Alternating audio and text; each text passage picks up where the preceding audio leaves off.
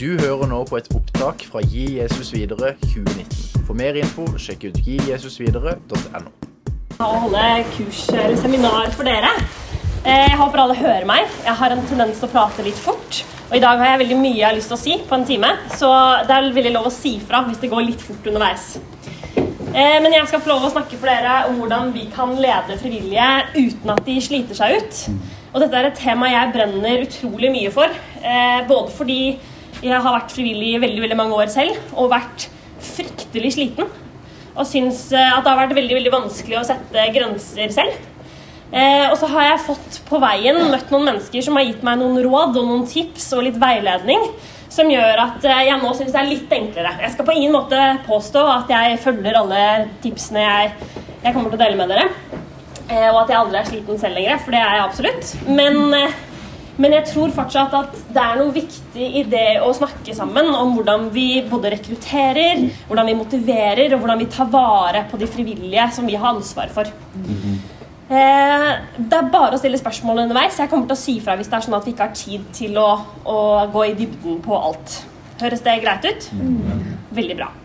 Jeg skal kort introdusere LNU først. fordi Jeg er så heldig å få være styreleder for eh, verdens fineste paraplyorganisasjon. Eh, og vi er en veldig fin paraplyorganisasjon fordi vi er paraplyorganisasjonen til nesten 100 barne- og ungdomsorganisasjoner i Norge. Og det inkluderer vel alle organisasjonene, tror jeg, som er liksom hovedarrangører bak denne konferansen. Så jeg er veldig stolt og glad for å få være her. Eh, og vi er et veldig fint fellesskap med en veldig stor bredde. Vi har alle ungdomspartiene. Vi har eh, Speideren, vi har kor, korps, orkester. Eh, faktisk så er Forrige gang jeg holdt et seminar om dette temaet, så var jeg hos Humanistisk Ungdom, som også er en medlemsorganisasjon hos oss. Eh, og den bredden det er en veldig stor styrke når vi skal gjøre våre oppgaver, som hovedsakelig er tre ting som vi gjør på vegne av organisasjonene våre. Vi eh, gir dem penger fordi vi forvalter 180 millioner kroner på vegne av norske myndigheter, hovedsakelig gjennom Frifond. Eh, vi kjemper for at organisasjonene skal få mer penger ved at jeg går og maser på politikere. Det er en stor del av jobben min. Og så driver vi med kompetansearbeid. Og det er kanskje noe av det som er mest givende og aller mest morsomt. Det er å få lov å være med organisasjonene og få lov å dele av de erfaringene og den kompetansen vi har opparbeidet oss eh, gjennom vår ganske lange liv i frivilligheten. For selv om LNU er en gjeng med ganske unge mennesker, så er det sånn at når man klarer å begynne tidlig nok, så kan man rekke å få noen tiår på baken i frivilligheten, selv om man ikke har bikka 30 ennå. Så det er det jeg har planer om å dele med dere. Jeg kan også nevne at jeg i tillegg til å være styreleder i eh, LNU egentlig er psykologstudent. Så at noen av de tipsene jeg har, særlig på stressmestring, har jeg liksom lånt fra psykologstudiet. Um, ja. Når vi skal drive og lede frivillige, så er det noen utfordringer som jeg har erfart at går igjen. Både når jeg har ledet frivillige selv, når jeg har blitt ledet, og ikke minst når jeg har snakket med organisasjonene. Mange oppgir at de føler at de har på en måte feil frivillige til oppgavene. Og det er ikke det at det er noe feil med de frivillige, men man har ofte rekruttert folk til å gjøre oppgaver de egentlig ikke har lyst til å gjøre. Da du har typisk kanskje en del oppgaver som må løses, som man på en måte har lokket folk til å gjøre med å si sånne ting som Det er ikke så mye jobb. Noen må sitte i styret, men du trenger ikke egentlig møte opp. Ikke sant? Ja, Det høres kjent ut, eller? Ja. Mm. Sånn rekrutterer man folk til styrearbeid i frivilligheten. Det er ikke så veldig bra. Vi skal komme til det. Eh, og da leder det til andre at man har frivillige som ikke er motivert for oppgavene sine. Som faktisk ikke syns at det er givende. Og hvis vi tenker på at man skal være frivillig, så er jo poenget at man skal gjøre noe fordi det er gøy, og fordi det gir en selv noe, og fordi det gir andre noe.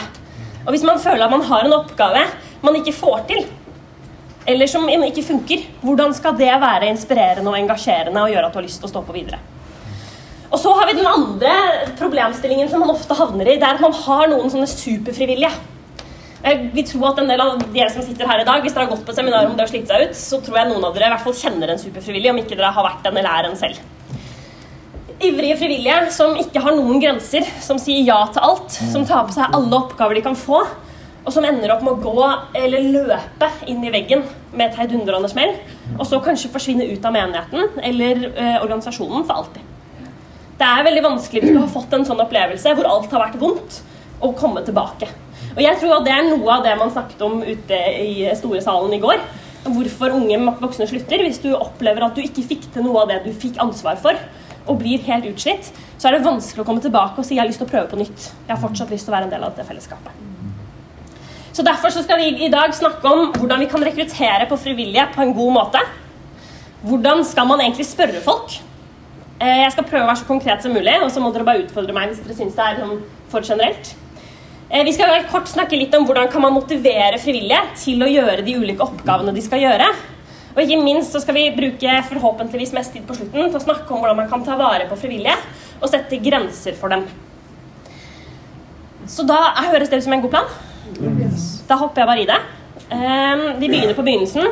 Hvordan rekruttere frivillige? Hvor mange her trenger flere frivillige? Ja, Stort sett alltid. Hvordan gjør dere det vanligvis? Hvordan finner dere vanligvis frivillige? Ja? Spør de jeg tenker passer til deg. Ja! Det er en god strategi. Pleier det å funke?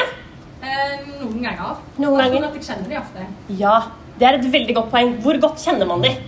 Det er en ganske avgjørende faktor. Hva gjør dere før dere begynner å spørre? Har dere noen prosess, eller bare begynner dere å spørre? Tenker dere gjennom? Ja. Eh, slår av en prat kirkekaffen. ja. Så du danner en relasjon? Ja. Ja. Jeg tror at ofte så må man begynne litt på begynnelsen, for veldig ofte så begynner vi med å liksom lete og finne folk. Men jeg tror at ofte så må vi ta et steg tilbake hvis vi skal være gode på å rekruttere. Og så må vi tenke gjennom noen helt grunnleggende ting. Eksempel så bør dere ha et svar på hvorfor trenger dere nye frivillige? Hva er grunnen til at dere trenger frivillige? Er det sånn at dere trenger nye frivillige fordi at dere har altfor mange oppgaver og altfor høye ambisjoner? Så kan det være at det faktisk er en annen ting som må til først, før dere går ut og rekrutterer frivillige. Men noen ganger så har vi 1000 prosjekter gående på en og samme gang, og da er det ikke sikkert at flere frivillige kommer til å løse det med en gang. Så hvorfor trenger dere nye frivillige? Er det fordi at dere ønsker at alle i ungdomsarbeidet skal ha en oppgave? Fordi oppgaver skaper eierskap og identitet og tilhørighet. Da må dere rekruttere på en annen måte enn hvis det er fordi det er store og tunge oppgaver som skal løses. Ikke sant? Så det å ha en idé om hvorfor, hvorfor skal noen bli med, det er et viktig utgangspunkt. Så når dere tenker gjennom hva slags oppgaver er det dere trenger frivillige til? Hva er de oppgavene som skal løses? Er de store? Er de små? Eh, hva slags type ferdigheter kreves for å kunne løse en sånn type oppgave? Veldig ofte så er det sånn at man rekrutterer, og så finner man oppgavene litt etterpå. Fordi det er så mange oppgaver som trenger å løses. Men hvis du har en idé før du begynner, så er det mye lettere å drive med litt målrettet rekruttering. Og all sånn frivillighetsforskning viser at det er målrettet rekruttering som funker. Neste spørsmål er hvem er egentlig potensielle frivillige hos dere? Hvor kan dere finne frivillige? Dette snakker vi mye om i organisasjonene, for det er gjerne sånn at det er noen grupper det er lettere å rekruttere enn andre. Og det gjør at vi ofte blir ganske like hver gang. Og det er en svakhet i en del organisasjoner at man bare rekrutterer folk som er helt som seg selv. Men samtidig så tror jeg det er viktig å tenke på hvem er de potensielle frivillige. Og det å tenke at man skal ut på gata og hente inn frivillige til et kristent arbeid, det, det tror jeg kanskje ikke er liksom helt veien å gå. Men hvem i menigheten kan gjøre en oppgave? Hvem tilknytta ungdomsarbeidet? Kan man utfordre foreldre? Kan man utfordre søsken? Hva gjør man med de eldste ungdommene når man skal ha ledere til barnearbeidet? Hva, hvem er de potensielle frivillige? Og hvem er det som kan passe til akkurat de oppgavene dere trenger å løse? Så det å lage en match mellom de oppgavene dere trenger at løses, og det potensialet dere har blant frivillige, det er utrolig, utrolig viktig. Og så må dere tenke gjennom hva får de frivillige igjen for tiden sin. For når dere skal selge dette oppdraget, så må dere ha noe å si. Og da har det ganske mye å si hvordan du spør noen om å bli frivillig. Man har ganske mange historier i organisasjonslivet som er litt sånn at man spør noen enten om de kan gjøre noe, og det er ikke så stort, og det er ikke så viktig, og det er ikke så farlig. Ikke sant? Hvem har lyst til å gjøre en sånn type oppgave? Hvis jeg ber dere, Kan dere sette av eh, åtte lørdager til å gjøre noe som jeg egentlig ikke syns er så farlig at blir gjort? Hvem har lyst til å gjøre det? Sånn rekrutterer vi altfor ofte. Istedenfor å si at dette er en kjempeviktig oppgave, og alt du kan bidra med, er bedre enn ingenting. Så noen ganger så har vi også en fortelling om at vi er altfor få, vi får ikke til noe. Alt er vondt og vanskelig, vi hadde trengt noen flere frivillige. Hvem får lyst til å være med da? Istedenfor å si at vi er en liten gruppe frivillige, dette er det vi får til. Hvis du blir med, så kan vi få til enda mer. Det har veldig mye å si. Så det er neste punkt. da. Hvordan rekrutterer dere? Og hvordan du spør noen om å bli frivillig, det har alt å si. Mange peker på at de ikke har tid når de spør, blir spurt om hvorfor de ikke er frivillige. De har ikke tid. Og da er Noe av løsningen på det det er å spørre om så konkrete oppgaver som mulig. Det å ta på seg et stort verv eller en oppgave som skal gå over lang tid Hvis du må forplikte deg til å være med de neste fem årene for å kunne bidra, så er det veldig vanskelig. Så start ofte med en liten og konkret oppgave. Det er det aller enkleste. Og så var jeg inne på Det Det er viktig å ikke bagatellisere eller redusere oppgavenes betydning. Overselge dem heller i viktighet. Fordi det er ikke noe gøy å ha fått ansvar for den oppgaven som ingen bryr seg om. Og så kommer vi til det som du er inne på her. Du må bli kjent med personen for å kunne rekruttere på en veldig god måte. Det er vanskelig å rekruttere noen du ikke kjenner. fordi hvordan skal du da vite hva den er bra til? Og det mest effektive når du skal rekruttere, det er å gå bort til noen og si hei. Eh, du er veldig god på dette. Det vet jeg. Og vi trenger noen som kan det. Har du lyst til å være med og bidra? Det er mye mer effektivt enn å gjøre det motsatt vei og si vi trenger noen som kan teknikk. Hvem kan teknikk? Fordi vi mennesker har blitt litt sånn at vi får så mange forespørsler at alt som ikke rettes mot oss personlig, det føles ikke relevant. Har dere tenkt på det hvor effektivt Facebook-invitasjoner var før? De første Facebook-invitasjonene man fikk til sånne events, det var sånn du følte at det var en personlig invitasjon. Nå får jeg så mange daglig at jeg kjenner at liksom, dette er bare spam. Det er bare noen som er langt ute i bekjentskapskretsen som har invitert alle de kjenner på vennelista si. Så hvis jeg skal gidde å møte opp, så må noen sende meg en melding. Sånn har vi blitt. Og så må dere alltid kunne forklare hvorfor er oppgaven viktig. Og da er det gjerne lov å selge den inn som viktig sånn konkret, men det går også an å selge den inn som viktig for saken eller for organisasjonen. Tenke litt større. Vi vet fra forskning at det er to hovedårsaker til at folk ikke er frivillige. Vet dere hva det er? Hvis du spør om hvorfor ikke man er medlem eller hvorfor man ikke er frivillig i en organisasjon, hva pleier folk å svare? Ingen har spurt. Det er den ene. Vet dere hva den andre er? Hva sa du? Jeg ikke god nok. Ja, Det kunne absolutt vært en av de, at man føler man ikke er god nok. Men det er faktisk enda enklere. De vet ikke at det finnes en organisasjon som gjør akkurat det. Det er også et problem vi har, at man ikke alltid vet om en organisasjon. Eh, og jeg tror at det er flere kristne barne- og ungdomsarbeid som hadde hatt godt av å synliggjøre hvilken organisasjon de tilhører. Eh, da jeg var eh, liten og gikk i FRIK i Tønsberg frikirke, så var pappaen min leder av Fribu samtidig. Og det var jeg veldig opptatt av, fordi pappaen min var sjef. Eh, og det gikk jeg og sa til de andre, at pappaen min er sjefen i den organisasjonen som vi er med i. Og da var det veldig få som hadde sånn følelse av at de var med i Fribu. Det visste de ikke.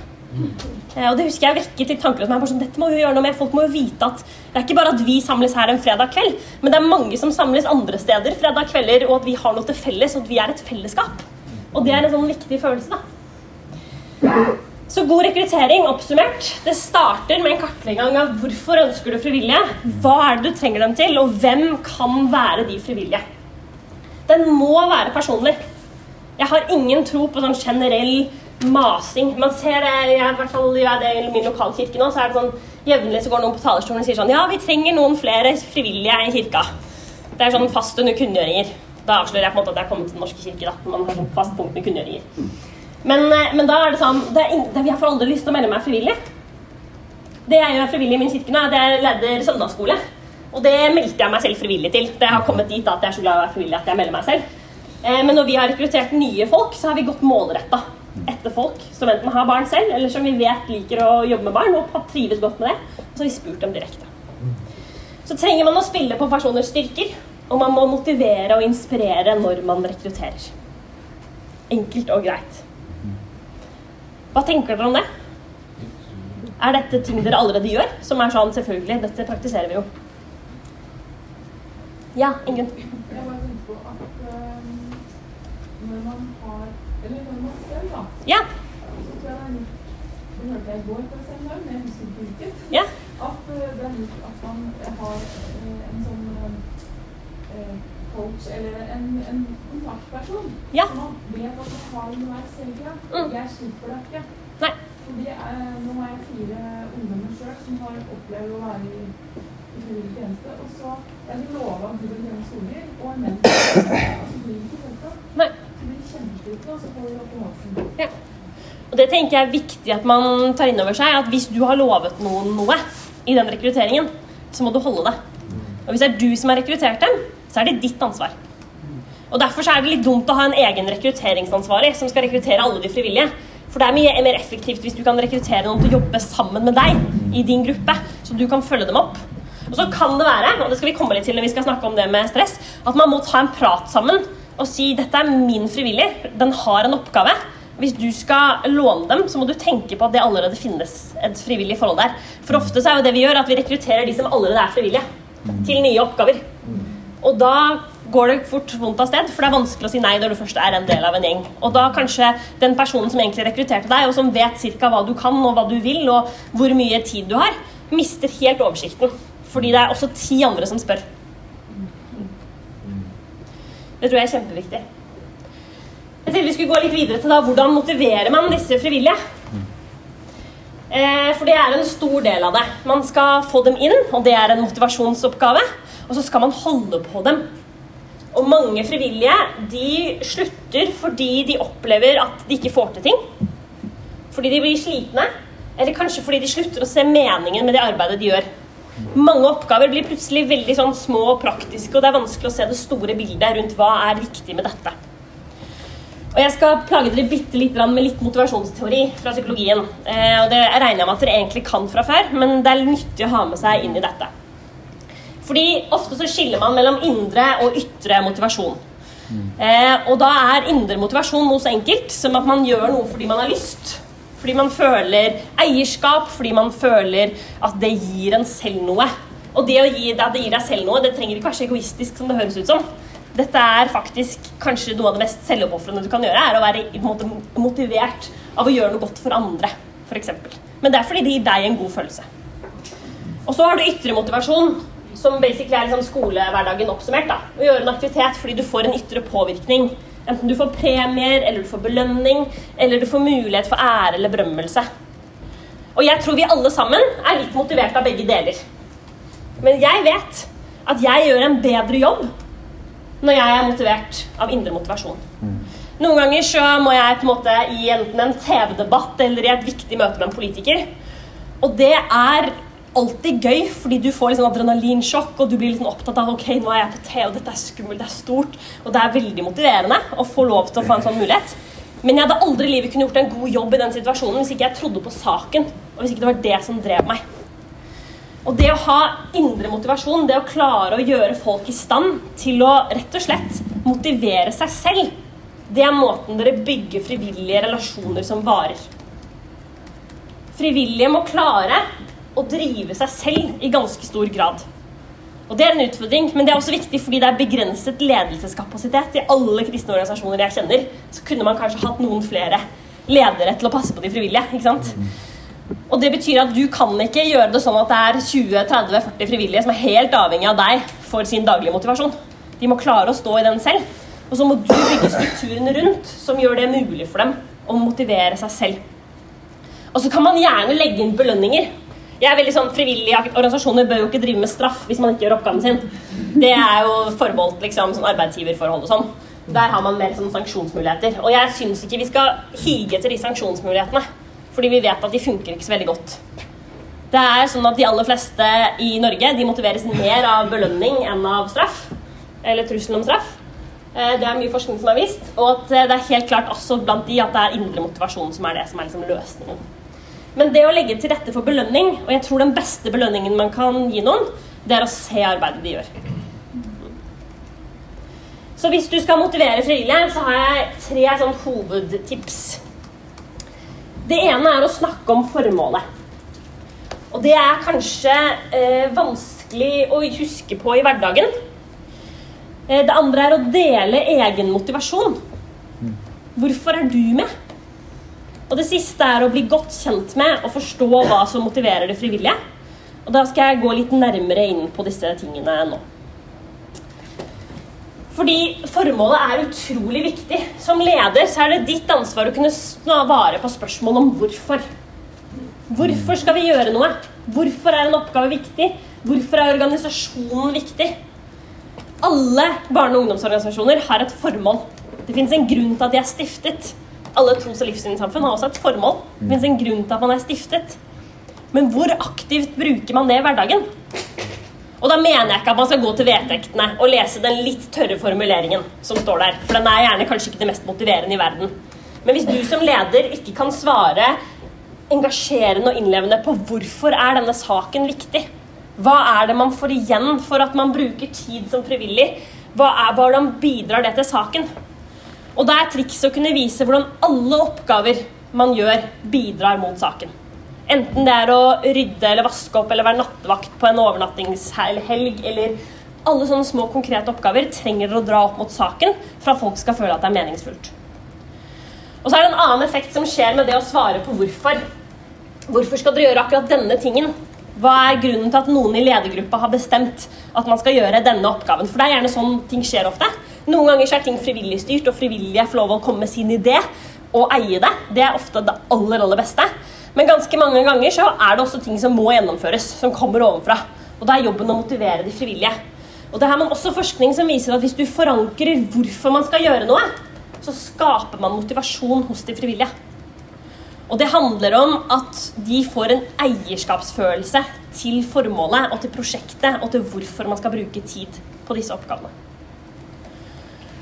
Og Derfor er det viktig å skape en forståelse av at oppgaven er nettopp viktig, og at de oppgavene, uansett hvor små de er, eller uansett hvor rare de virker, kan påvirke formålet. Og Ofte så er vi bedre på det i en del kristne organisasjoner på noen type oppgaver enn på andre. Det er lett å si at hvis du har preken, så bidrar du til formålet, som er å få folk til Jesus. Eller hvis du leder lovsang. Men hvor gode er vi på å vise det for de som er vakter på arrangementet? Eller de som vasker?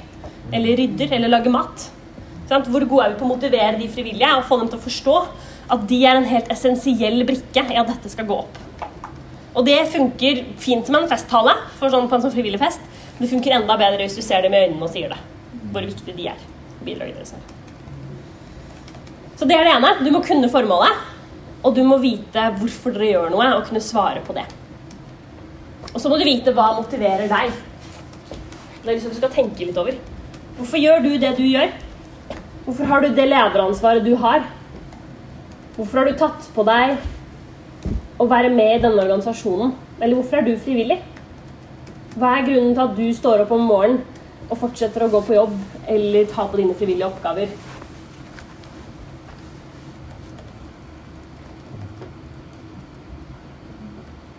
Jeg tror at det er ganske avgjørende.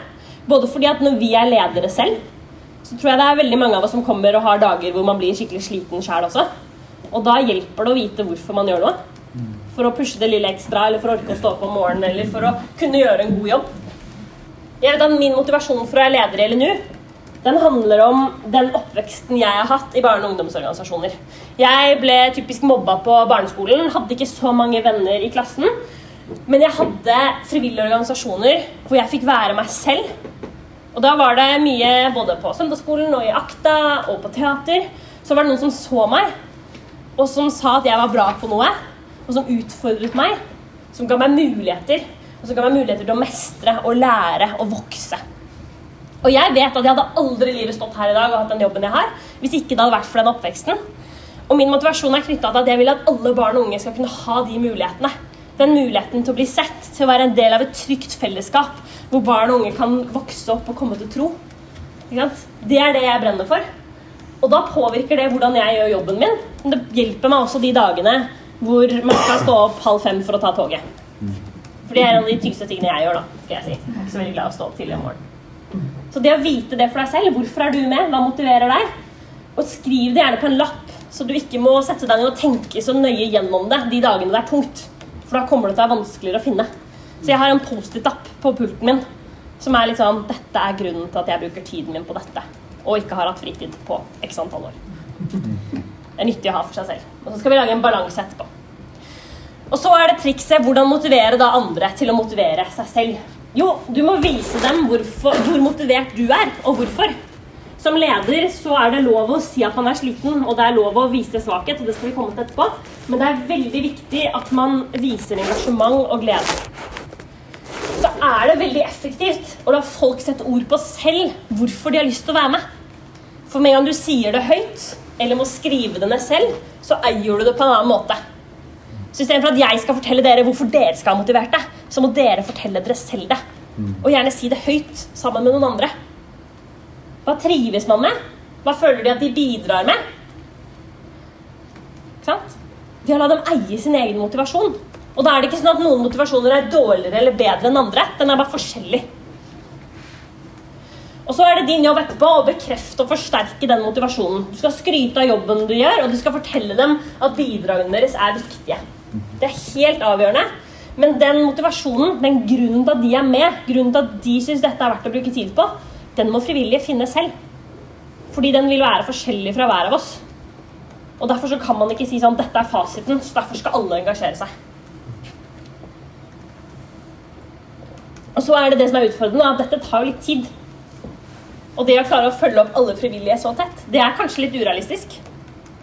Og Derfor så må man nettopp lage disse systemene hvor man tør å snakke om motivasjon. Hvor man tar seg tid til å snakke med de frivillige om hvorfor noe er viktig, og ikke bare til å fordele oppgaver og gjennomføre dem. Og det er fort liksom der vi hopper når hverdagen slår, da. Ikke sant? Det er, eh, det er ikke alltid man har tid til å sette seg ned og snakke med folk om hvordan de har det, og hva som motiverer dem nå, eller hva de har lyst til å gjøre nå. Men jeg tror at den tiden egentlig er det verdt å ta, da, i den grad man kan. Og det kan godt være man kan gjøre det i grupper. Det er ikke sånn at Man må bruke en time på hver frivillig. Men at man kan gjøre det i mindre grupper. Snakke sammen, samle alle som har lederoppgaver i ungdomsgruppa, og si sånn OK, hva er motivasjonen vår for det neste halvåret? Hva vil vi? Hva skal vi klare å få til sammen? Hvordan skal vi gjøre det? Og la folk få eierskap til det de skal gjøre, sånn at de får lyst til å være med og bidra. Hva tenker dere om eh, det å skulle motivere andre? Er, liksom, er dere komfortable med å dele deres egen motivasjon til de frivillige? Ja? Det var veldig bra. Ja? Good. Jeg tror ofte vi hopper over liksom den derre eh, inspirerende motivasjonsbiten. Og så er det veldig fort at du kanskje bare ser, ser på scenen på en sånn eh, Ja, fra noen som er sånn superkarismatiske og kjempeengasjerte. Og jeg tror at det har effekt. For, altså, det er sånn, jeg ble jo kjempeinspirert i går. Men jeg tror at det også har veldig effekt hvis du kan som et helt vanlig leder, som folk kjenner, vise at du også tør å vise at du bobler litt over av et eller annet. Fordi det, har, det blir så ekte, da. Det er veldig effektfullt eh, å sette ord på egen motivasjon eller å tenke gjennom det. Jeg, jeg hadde selv en sånn hvor vi satt i en sånn gruppesamtale hvor jeg egentlig følte meg litt sånn sliten og, og umotivert for arbeidet. Og så ble jeg stilt spørsmålet om hva er det som gjorde at du valgte den jobben. Mm. Og når du da begynte å sette ord på det, så kjente jeg at engasjementet kom tilbake. Mm. Eh, så det er, eh, og pluss at de andre rundt meg ble engasjert av mitt engasjement. Så det smittet. Det smitter absolutt. Og det er faktisk eh, motivasjon er nesten like smittsomt som demotivasjon. Men bare nesten. Og det er litt farlig, ikke sant? Fordi det at noen blir demotivert i en gruppe, eller hvis en mann som leder blir demotivert, så smitter det kanskje enda raskere. Så Derfor så er det et viktig ansvar, og det betyr ikke at det ikke er lov å være demotivert. Det betyr bare at man må ta det ut på riktig sted, eh, og ikke kanskje til de andre frivillige. Og så er det jo fort gjort at vi, vi får jo ikke til alt vi vil i organisasjonene våre. Ikke sant? Jeg har vært på møte med de samme politikerne et antall ganger og forklart dem de samme tingene, og de skjønner det ikke, eller vil ikke skjønne det, eller vil ikke gjøre som jeg sier. Da blir man jo litt sånn åh, ikke sant?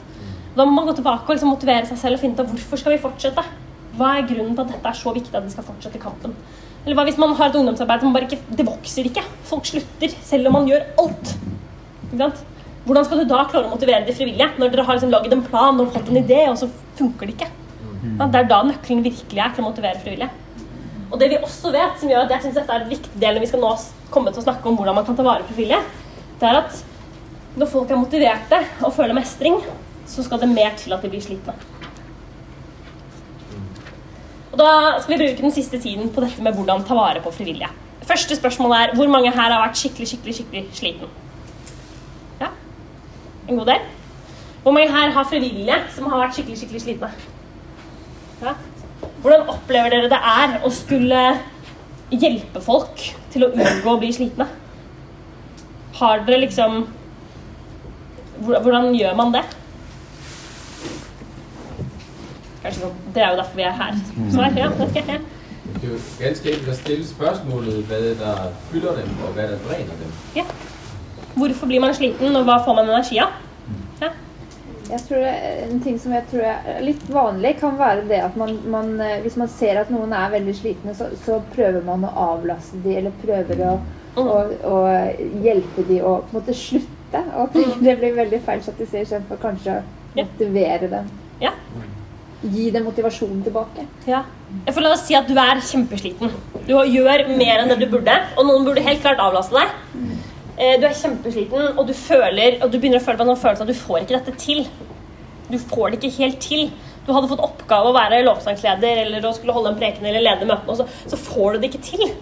Og så kommer det en leder til deg og sier sånn Kanskje du skal slippe den? Jeg er ikke sikker på om det er riktig taktikk. Fordi da kanskje man bare bygger opp under den der 'du fikk det ikke til'-følelsen. Ikke sant? Men det kan godt være at personen trenger hjelp til å prioritere.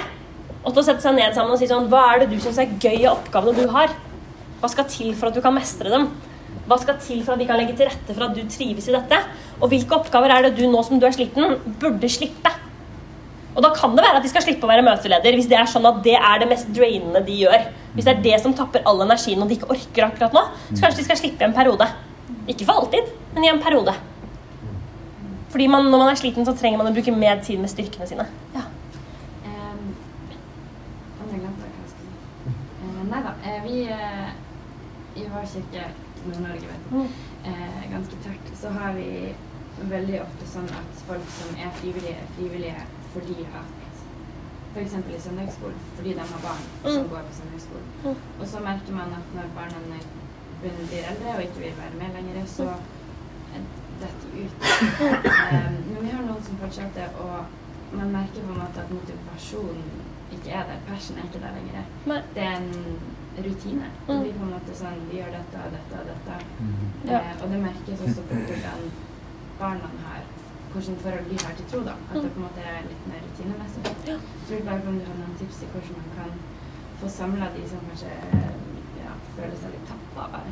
Mm. Jeg tror at det er viktig at vi begynner å snakke om det å være sliten. Og ikke, altså Man gjør jo det i kristne miljøer, fordi man hører om de som går på veggen med brask og bram, og at det ingenting funker lenger. Men jeg tror at vi har, og i samfunnet vårt så er vi jo veldig opptatt av å være slitne i dag. Veldig opptatt av prestasjon, og så er man sliten hele tiden. Og Det er ikke sikkert at vi skal snakke om det på den måten, men det å liksom forstå at eh, mennesker har mye, og at det å være en del av kirka er bare en liten del av det man gjør. Å kunne snakke om det at liksom, når det skjer mye på hjemmebane, så kanskje man må roe litt ned. Eh, eller hvis man kjenner på at man ikke har motivasjon, så kanskje man må finne ut av hvordan kan vi motivere. Kanskje man skal bytte oppgaver. Det å være litt sånn løsningsorientert, det, det har jeg tro på. Og så skal jeg komme litt tilbake til når vi kommer videre inn på dette. Hvorfor blir folk slitne? Dette har eh, noen arbeidspsykologer forsket på, og de har funnet ut eh, at folk blir slitne av å ha grensesprengende verv eller jobber hvor man alltid har flere oppgaver å løse. Jeg syns det høres ut som enhver frivillig oppgave i en eh, kristen organisasjon jeg har vært borti. Når man har mye å gjøre over lengre tid, det er eh, ganske viktig. Altså at man gjør for mye, så man blir sliten. Men så er det en ting som er ganske spennende, og det er at det er faktisk ikke bare hvor mye man gjør som er avgjørende, det er hvordan du opplever det. Og det tror jeg er eh, noe vi ikke tenker så mye over. For vi blir litt sånn ja, ok, man skal ikke gjøre for mye. Da skal man bare ha én oppgave hver. For noen så er en oppgave ganske lite, og for andre så er det veldig mye. Så det er store forskjeller. Men det er fortsatt sånn at hvor mye du opplever at du blir stressa av en oppgave, det har mye mer å si for om du blir sliten, enn hvor stor oppgaven er.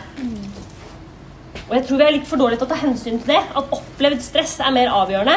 Altså hvor dårlig du føler du mestrer noe, eller hvor mye du føler du må forberede deg, eller hvor, altså hvor, hvor stressa du blir av en oppgave, det påvirker mer hvor sliten du blir, enn hvor lang tid du bruker. Eller alle disse andre faktorene. Så det er opplevd stress er en av de viktigste tingene. Det andre er det opplevde avviket mellom forventninger og resultat.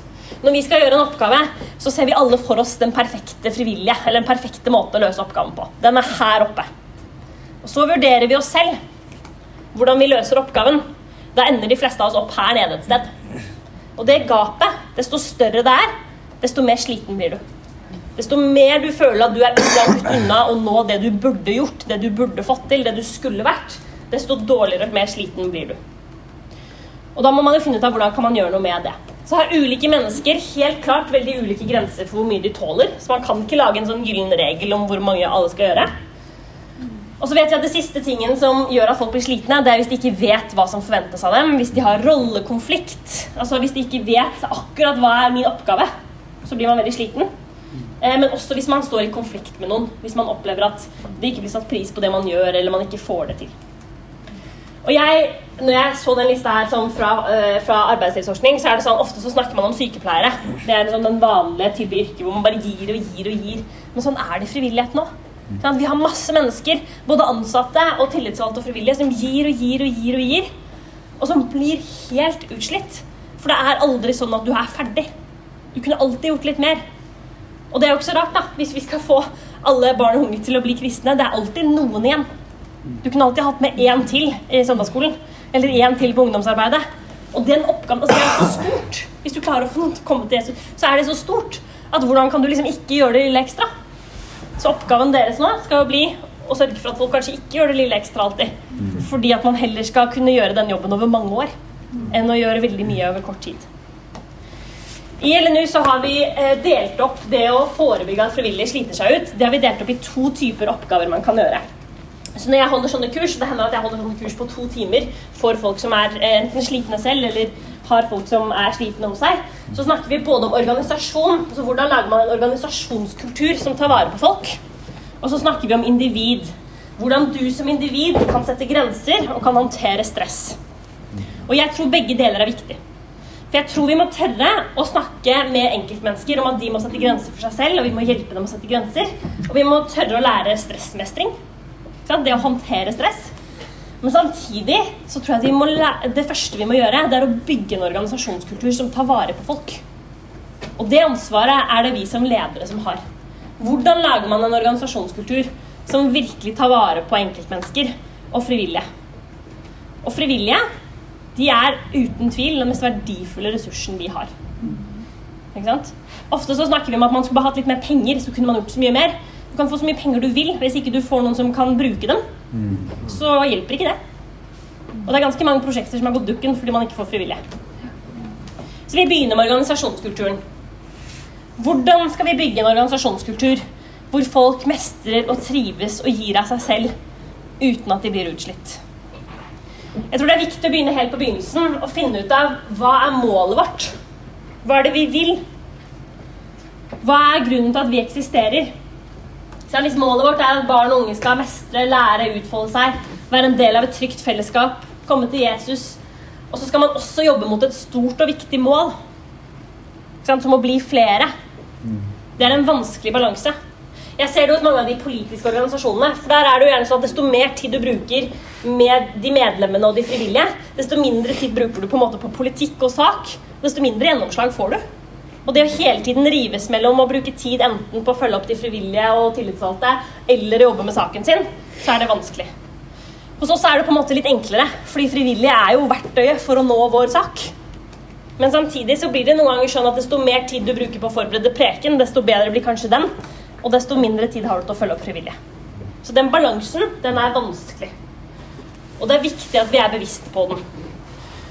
Og jeg mener helt klart som sagt, at både tillitsvalgte og ansatte er de mest verdifulle ressursene man har, og derfor må man behandle dem deretter. Og Det handler ikke om å liksom alltid lage fest og sende folk på spa, liksom, men det handler om å vise at man setter pris på dem. Mm.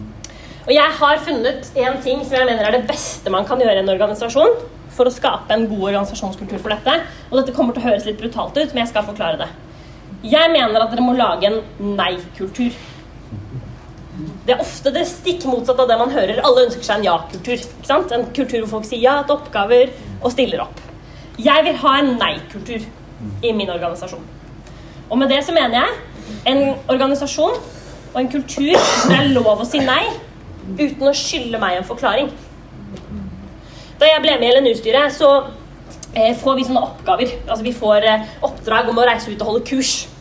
Og Jeg fikk en sånn e-post fra en ansatt om jeg kunne holde kurs for en medlemsorganisasjon. Det var et ganske viktig kurs. Og jeg kunne ikke. Jeg hadde sånn tre eksamener, og jeg hadde masse andre oppgaver. Og jeg var ganske sliten. Og det skrev jeg da i e-posten tilbake. Jeg fikk sånn Hei, Rode, kan du gjøre dette og dette? Og så jeg sånn Nei, beklager, jeg har ikke mulighet fordi dette og dette og dette. Og så dette, og så alle disse tingene. Og så sånn, og så sånn. Og så skrev jeg en sånn lang e-post, og når hun lederen forklarer om det, så sier hun at den var halvannen side. Jeg tror den var kortere enn det, altså. Men jeg hadde i hvert fall mange unnskyldninger. Og så sendte jeg den, og så fikk jeg svar tilbake. Neste gang kan du si nei. Kan jeg si nei? Det er ingen som noen gang har fortalt meg at jeg kan si nei. Er det en mulighet? Og så møtte jeg henne, og så sa hun sånn For det første, jeg gidder ikke å lese så lange e-poster. Det tar masse tid. For det andre, hva kjente du på da du måtte si nei? Og jeg kjente på masse skam. Og på skyld. Og jeg følte meg som et elendig menneske. Og det hender helt ærlig, det kjenner jeg fortsatt på innimellom. Noen ganger så sier jeg ja til ting fordi jeg tenker at det hadde vært mer slitsomt å måtte si nei. Fordi jeg hadde hatt så mye dårlig samvittighet. Og sånn tror jeg det er mange av oss som har det. Vi sier ja til ting fordi tanken på å si nei det gjør oss også veldig slitne. Og derfor vil jeg ha en kultur hvor man sier nei uten å begrunne det. Og det kan man gjøre på flere måter. Det å gjøre, lage en kultur hvor folk har lov å si nei, det gir dem en frihet. Det viser at du tenker at dette klarer du å vurdere selv. Det er ikke sånn at du skylder meg en forklaring hvis ikke du kan være med en søndag. Kanskje det ikke passer. Og det at det ikke passer, det kan være at du trenger å hvile. Kan være du trenger å sove ut. Da passer det ikke å være i kirka søndag klokka 11.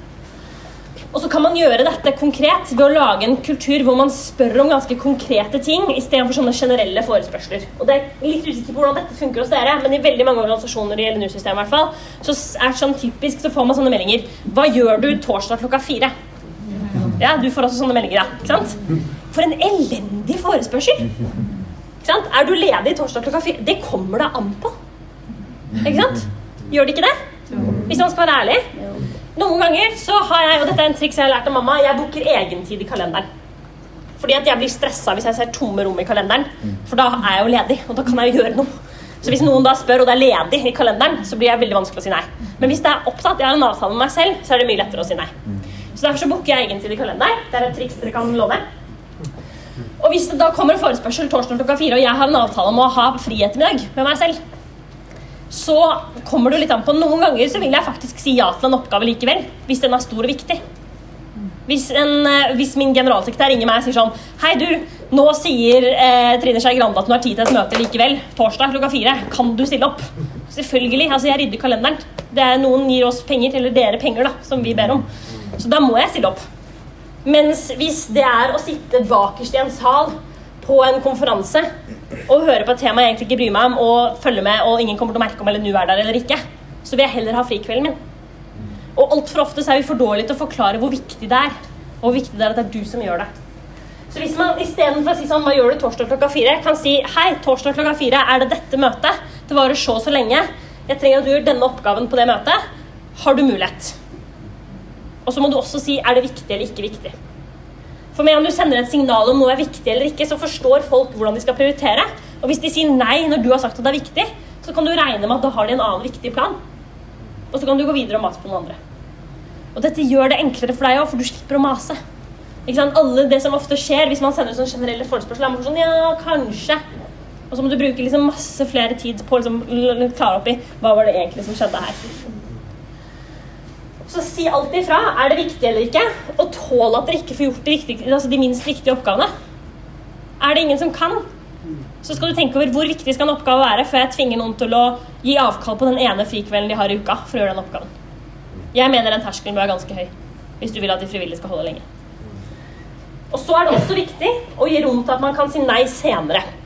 Det aller beste er selvfølgelig hvis folk sier nei med en gang. og Derfor så hjelper en nei-kultur dere også. For det kjipeste er sånne frivillige som sier ja, og så sier de ja, og så sier de ja. Og så kommer du dagen de skulle gjort det, og så har de ikke gjort det likevel. Eller så sier de nei dagen før. Sånn er det masse av fordi man har for dårlig samvittighet til å si nei i utgangspunktet. Eh, så det beste er jo selvfølgelig om de sier nei med en gang, men det er også sånn at du må gi dem tid til å svare. For hvis du forventer et svar der og da, hvis de sånn kan du gjøre det nå, jeg, må, jeg trenger å vite det nå, så sier man kanskje ja selv om man egentlig ikke kan, og så må man trekke seg etterpå. Så Derfor er det lurt å gi dem god tid, men gi også folk rom til å trekke seg fra en oppgave hvis de finner ut at det får de ikke til. Eller det går ikke opp tidsmessig. Og Da kan man ha en kultur hvor man sier nå har vi jo alle fått oppgaver. Eh, hvis det er noen som ikke klarer og ikke får tid, eller ikke har mulighet til å gjøre oppgaven likevel, si ifra til meg. Jo tidligere, jo bedre. Ja, Ingunn? Ja, jeg var et veldig ja-menneske som Ja. var lærer, og så begynte jeg å angre etterpå.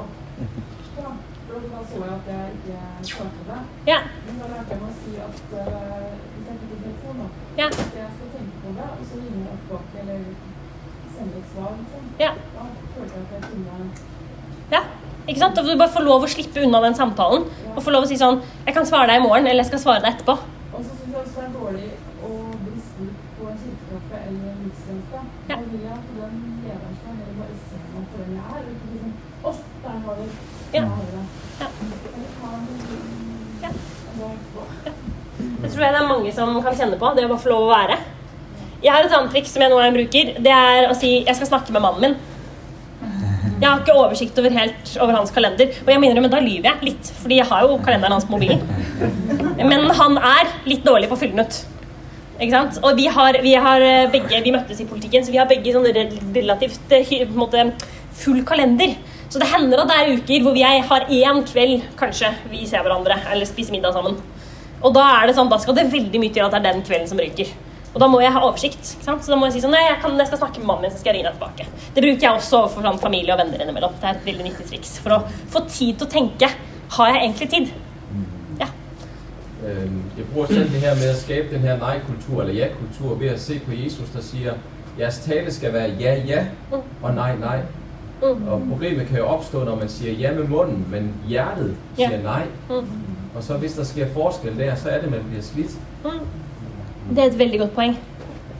Jeg tenker også at En ting som er viktig å kjøpe seg tid til, det er å, nå kan vi egentlig gå på individ og sånn på stressmestring og grensesetting. men eh, så det er ikke gjennom det også, men det å tenke over hvordan sjekker dere kalenderen, det er også et sånn konkret råd.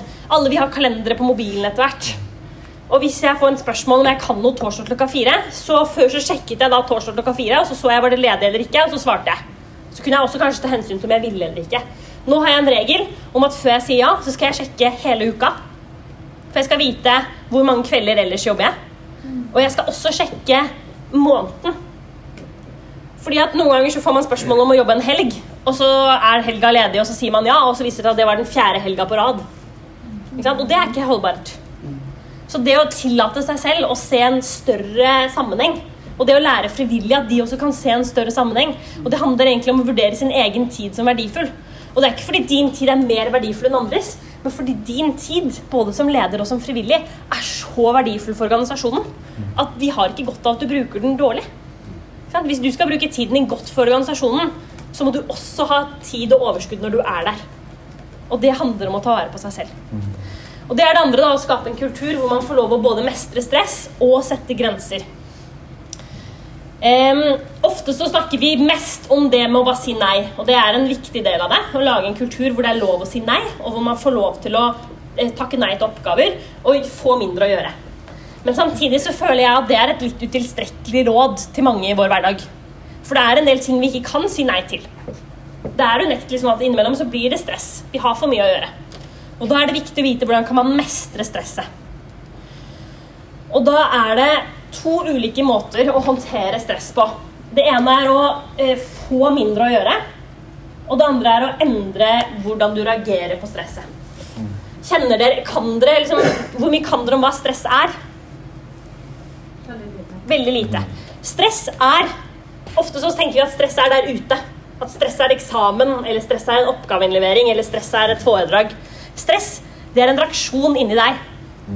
Og den minner aller, aller mest om en angstreaksjon.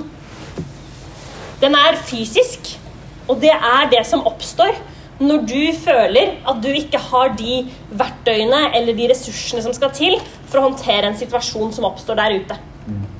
Så det er akkurat det samme som skjer hvis du går i naturen og ser det du tror er en slange. Så hopper du til, ikke sant? og så får du hjertebank og så får du høy puls, og så blir du klar for det man kaller fight or flight. Ikke sant? Løp eller, eh, eller kjemp. Da får vi masse adrenalin til kroppen fordi vi skal bli sterkere og raskere og bedre. Så varer det ikke så lenge, da. Ikke sant? Stress er den samme reaksjonen. Det er at du opplever at der ute så finnes det en forventning, og jeg når ikke den forventningen. Og det trigger en reaksjon i kroppen som skaper adrenalin, så du skal bli klar og i stand til å løse den forventningen. Problemet er bare at adrenalin hjelper oss ikke i å håndtere de utfordringene vi står overfor. Det hjelper oss å løpe fort eller løfte tungt, men det hjelper oss ikke til å ta kloke valg. For vi tenker dårligere når vi har masse adrenalin i kroppen. Så stress er en fysisk reaksjon på en tanke om at jeg kommer ikke til å klare dette. Og Derfor er det sånn at du kan også endre reaksjonen din. Fordi eh, du kan tenke Istedenfor å tenke at dette er en uoverkommelig oppgave, så kan du tenke dette får jeg til. Og jeg skal komme tilbake til det. Jeg skal kort bare si noe om å hjelpe familien med å sette grenser først. Nå går jeg inn for landing. bare sånn at jeg det er liksom litt begrensa hva man rekker på en time, dessverre. Jeg vil at dere skal hjelpe frivillige med å se egne begrensninger. Det handler ikke om at de ikke er gode nok, eller at de får til ting. Det handler om at det er ingen av oss som er perfekte. Og eh, For noen søndager siden så hadde jeg søndagsskole, og så hadde vi om saligprisningene. Eh, og da er det en sånn eh, at salige er de som er fattige i seg selv. Og så snakker man sammen, jeg, jeg og et barn snakket sammen om det at det er bra å ikke få til alt selv, for da trenger vi Gud, og så trenger vi andre. Og det tror jeg vi skal ikke være så redde for. Det å ikke få til alt helt selv. Så hjelp frivillige med å se sine egne begrensninger. Så tror jeg det er viktig å snakke om forventninger. Det er viktig at du som leder stiller klare forventninger. Hvis du vil at en frivillig skal gjøre noe, så må du si det. Gi gjerne dem, altså Det å få en frivillig rolle burde egentlig komme med en liten oppgaveliste eller en ansvarsliste. Sant? Noen sånn 'Dette er det du skal gjøre'. Da har du gjort jobben din. Snakk om forventninger. Spør dem hva er det du forventer. Hva forventer du av deg selv? Hva tror du andre forventer av deg? Det du kommer til å oppdage, det er at de fleste frivillige tror at andre forventer utrolig mye mer av dem enn det vi gjør. Og derfor så blir de slitne, fordi de opplever at ikke de strekker. Så da må du hjelpe dem å korrigere forventningene. Så må du lede som du skal følge, som andre skal følge. Altså, det hjelper ingenting at du sier ja, det er bra du tar pauser, og så sitter du på jobben døgnet rundt. Du kan ikke si at ja, nå skal vi alle sammen slappe av, og så står du og tar oppvasken og jobber. Du må vise at du også trenger hvile. Jeg har blitt veldig mer bevisst på det på sosiale medier. Legger ut sånn 'Nå går jeg tur i skogen og slapper av. Nå er jeg fridag. Det er onsdag.' Fordi jeg også legger ut nesten hver helg at jeg jobber. Sant? Prøver å vise 'Jeg trenger også fri'. Eh, og hvis du viser at ikke du strekker til, så blir det veldig mye enklere for andre å gjøre det samme. Veldig mye enklere. Det å våge å ikke strekke til, også som leder, det tror jeg er viktig. Så er det din jobb å prioritere det viktigste. Ikke tenk at frivillige skal måtte prioritere helt alene. Det er din jobb som leder å hjelpe dem å prioritere. Og så må du selvfølgelig, som vi har vært inne på sikkert åtte ganger nå, sette pris på arbeidet de gjør, og vise det til dem. Og så er det det aller siste som jeg skal si, som handler om å håndtere stress. Og det er eh, egentlig ikke noe sånn altså Dette er sånn man henter fra kognitiv psykologi, og det finnes masse sånne der, eh, verktøy man kan bruke og sånn. Og jeg syns at ja, de funker, men det er ikke terapi dere skal drive med når dere leder frivillige. Dere skal hjelpe dem med å ta hensyn til seg selv. Og da er det én ting som er mer effektfullt enn alle disse verktøyene, og det er å tenke på seg selv som sin beste venn. For det som skjer når du opplever at du får en oppgave som er så stor at ikke du kommer til å få den til La oss si at jeg var skikkelig nervøs for å holde dette kurset her. Og tenkte sånn, åh, det kommer jeg aldri til å få til. Jeg har ikke noe vettugt å si. De kommer ikke til å lære noe. De kommer til å bli skikkelig misfornøyde. Det er jo masse gode talere der. Ikke sant? Sånn er det man kan snakke til seg selv før en sånn, sånn type oppdrag eller før man får en oppgave. Og så skal man istedenfor spørre seg hva ville du sagt til din bestevenn? For jeg er helt sikker på at hvis din bestevenn kom til deg og sa jeg har eksamen i morgen, jeg kommer til å stryke, jeg er elendig, jeg skjønner ingenting, så hadde du ikke sagt ja. Det er du. Du suger. Du kommer aldri til å få det til. Ja, men hadde du det? Nei, men det gjør vi til oss selv. Vi er kjempegode på å snakke sånn til oss selv. Og dette er ikke sånn fokus pokus positiv psykologi. Det kommer ikke til å gjøre deg frisk og alt er bra her i verden. Men det er et verktøy som kan gjøre at du kan stoppe opp og si Hadde jeg sagt dette hvis det var min bestevenn som kom og sa 'nå er jeg redd'? Eller hadde jeg sagt noe annet? Og så er det veldig mange som syns det er vanskelig å snakke pent til seg selv. Og da kan dere som ledere hjelpe dem. Hvis du ser noen er nervøse, kan du si 'jeg tror du klarer det'. Jeg tror at du kommer til å få det til. Du er dyktig. Du er smart. Du har lest eksamen. Dette er jo basically det foreldre gjør hver kveld før eksamen. er det ikke det? Hva hadde du sagt hvis det var din beste venn? Og hvis vi klarer å behandle hverandre og oss selv som bestevenner, så kommer vi ganske langt i å håndtere stress, for da blir ikke ting så uoverkommelig. Da blir man ikke så sliten, og da får man til så utrolig mye mer. Så oppsummert, jeg mener at det er et stort ansvar å lede frivillige. Det er et stort ansvar å rekruttere dem, for da skaper man forventninger. Det er et stort ansvar å skulle holde dem motiverte og lage strukturer hvor de skal motivere seg selv. Og ikke minst er det et kjempestort ansvar å klare å balansere det med at vi vil så mye, og vi har en så viktig sak å jobbe for, og vi kan aldri gjøre nok for den saken, samtidig som folk ikke skal slite seg ut på veien. Og jeg tror at hvis vi skal få folk til å bli i kirkesamfunn og bli i ungdomsarbeid og vokse der og trives der, og til at nye skal komme inn og føle at dette er et trygt og godt miljø, så trenger vi å gjøre en jobb for å ta vare på frivillige, sånn at folk virkelig føler at kirke er noe de mestrer. Egentlig så burde man jo egentlig bare være et sted man er, ikke et sted man må mestre. Men at det i hvert fall ikke er et sted man føler at man feiler ut av. Tusen takk for meg.